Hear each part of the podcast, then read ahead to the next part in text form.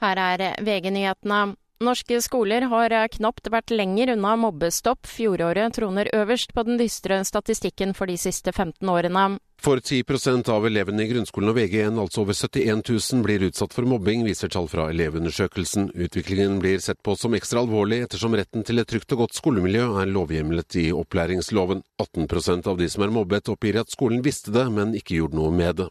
Og du kan lese mer om denne saken på vg.no, reporter Frode Sti.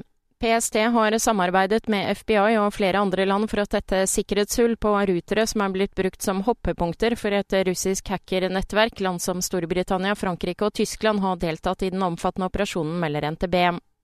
Dersom Hamas går med på en våpenhvile med Israel, vil også Hizbollah stanse sine angrep mot landet. Det sier kilder som er kjent med Hizbollahs tankegang til nyhetsbyrået Reuters. Hamas vurderer nå et forslag om en 40 dager lang våpenhvile. NRK-serien Ingen elsker bamsegutt blir første tema under dagens møte i Pressens faglige utvalg. Serien ble avpublisert etter at det ble kjent at NRK bevisst hadde tilbakeholdt informasjon om tidligere dommer mot mannen som omtales som bamsegutt. I studio Kristin Strand, nyhetene får du alltid på VG.